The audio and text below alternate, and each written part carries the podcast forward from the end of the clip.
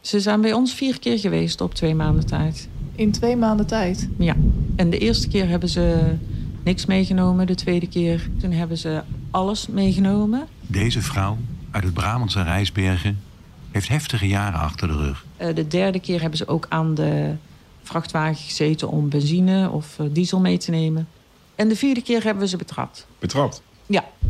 Je betrapt ze, maar je schrikt zelf veel harder als hun. Ze kan het niet bewijzen, maar ze weet het zeker. Je zegt toch zelf niet van ze zitten op de camping.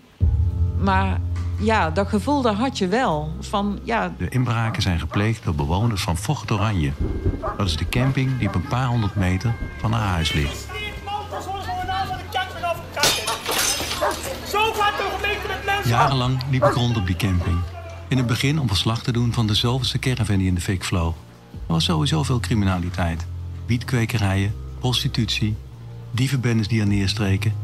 Er ging bijna geen dag voorbij of de politie meldde zich wel aan de De poort. politie is woensdagmorgen opnieuw binnengevallen bij camping, Camping Fort Fort Oranje. Oranje tussen Breda en Rijsbergen. Op de camping zijn in totaal 742 staakervens gecontroleerd op illegale bebouwing en bewoning en overtreding van andere wetten. Hoe kon het in hemelsnaam zo ver komen? Nou, kan je vast vertellen, dit verhaal kent meerdere schuldigen. En ik verd- dat was Kees Engel. Het is een amorele, niet eens immoreel, maar een amorele organisatie. Die uit is op macht. Eh, Maar in zijn verknipte hoofd verdraait hij dat zo... dat hij meent dat hij daar iets goeds eh, mee doet. Ook uit onverwachte hoek.